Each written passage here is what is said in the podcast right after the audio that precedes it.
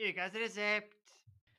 Hjertelig velkommen til ukas resept, hvor vi gir deg litterær medisin hver uke mot alle problemer nesten i hele verden som vi kommer på fins.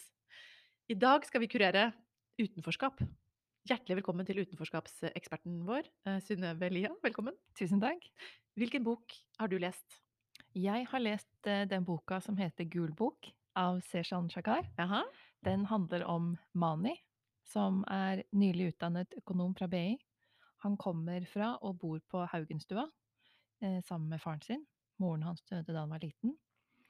Og han eh, sliter jo litt da med å få jobb.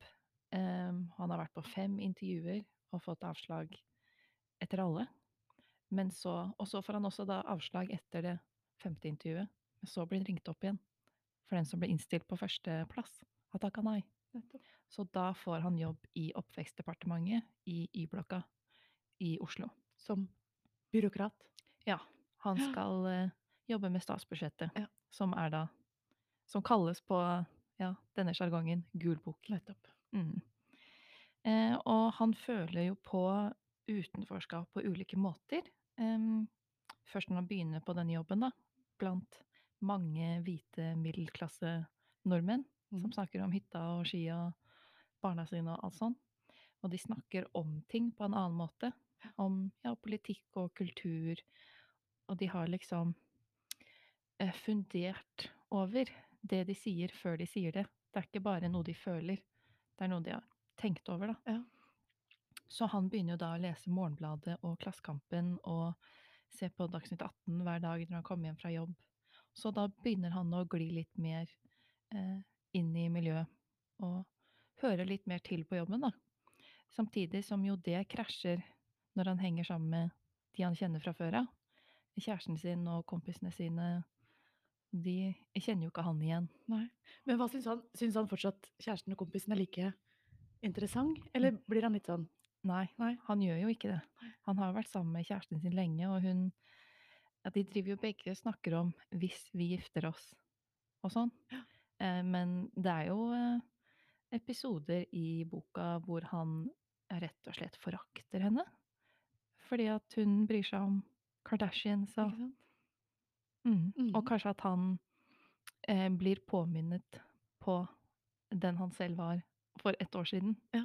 Han har en episode hvor han ja, plumper uti med å si at nei, kanskje skal dra til Dubai, da. For det har jo kjæresten hans sagt at hun vil. Ja. Og de kollegaene hans ser jo på han med sjokk i blikket. Ja. Vi kan jo ikke dra til Dubai. Nei, nei. Det er jo ja, menneskerettighetsbrudd på menneskerettighetsbrudd, og, og når han da liksom tenker over det, jo jo, nei, det er jo noe i det, og Og så sier hun da igjen, kjæresten, at hun vil til Dubai, og da liksom får han et slags utbrudd. Du må tenke på andre enn deg sjæl. Ikke bare shopping og glamour. Ja. Så det er noe om det er hun han forakter, eller ja, Ja. deler av seg selv, kanskje. Så han blir på en måte litt utafor både fra sin egen familie, og jo, jo nærmere han kommer de andre kollegaene sine, så er han jo Han blir kanskje ikke helt med der heller.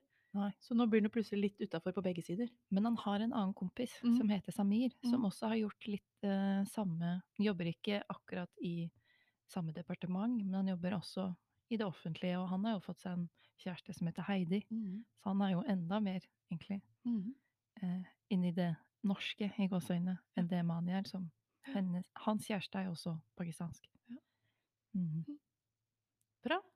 Tusen takk. Mm. Likte du boka? Jeg likte veldig godt. Et av de sterkeste Han jobber jo da i regjeringskvartalet. Og et av de sterkeste øyeblikkene i boka for min del var når vi er i da juli 2011. Arbeidsplassen hans blir jo da offer for et terrorangrep. Og da er det jo ferie, og han er hjemme. Og den frykten eh, som han og vennene sitter med, og de ser allerede resultatet av at nå har det vært et terrorangrep i Norge, og folk tror de vet hvem som har gjort det. Og den lettelsen de da opplever når det ikke var en av dem Ja. som hadde gjort det. Ikke sant? Mhm. Så den anbefales på det sterkeste. Tusen hjertelig takk. Mhm. Kjempebra.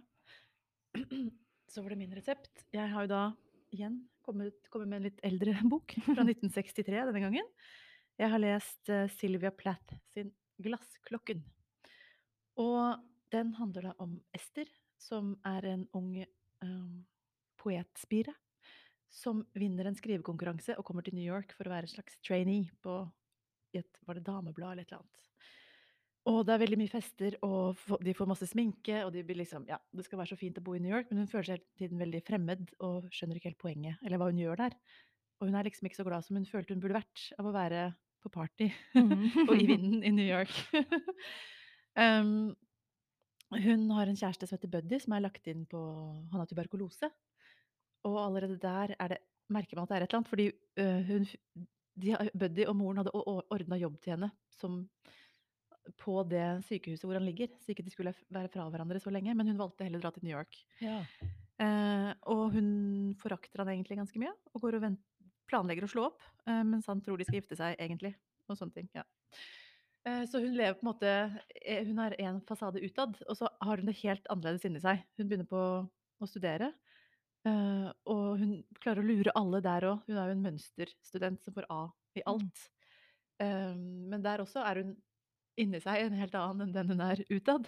Så hun er på en måte utenfor alltid, hele tiden, fordi hun ja, ikke klarer å være helt Hun har, hun har det ganske fælt og skjuler det ganske lenge. Mm. Um, hun dras også veldig mellom det å, å skrive og det å bli mor. uh, altså familielivet. Hvordan skal hun klare det? Og hun har store kvaler angående ja, om Hun er f.eks. jomfru, og så skjer det noe ganske dramatisk. Um, og hun får Ja, nei. Hun bryter sammen, da. Det er sammenbruddet til Ester vi følger. Mm. Men eh, boka er utrolig fin. Og jeg, jeg leste den for mange år siden, og så har jeg begynt på den igjen nå. Og den gjorde kjempeinntrykk. Eh, og Sylvia Plath selv tok jo livet sitt bare én måned etter at boka kom ut. Ja. Så det er jo mange som ser på Ja, det er nok mye av Sylvia Plath antageligvis i boka. Mm.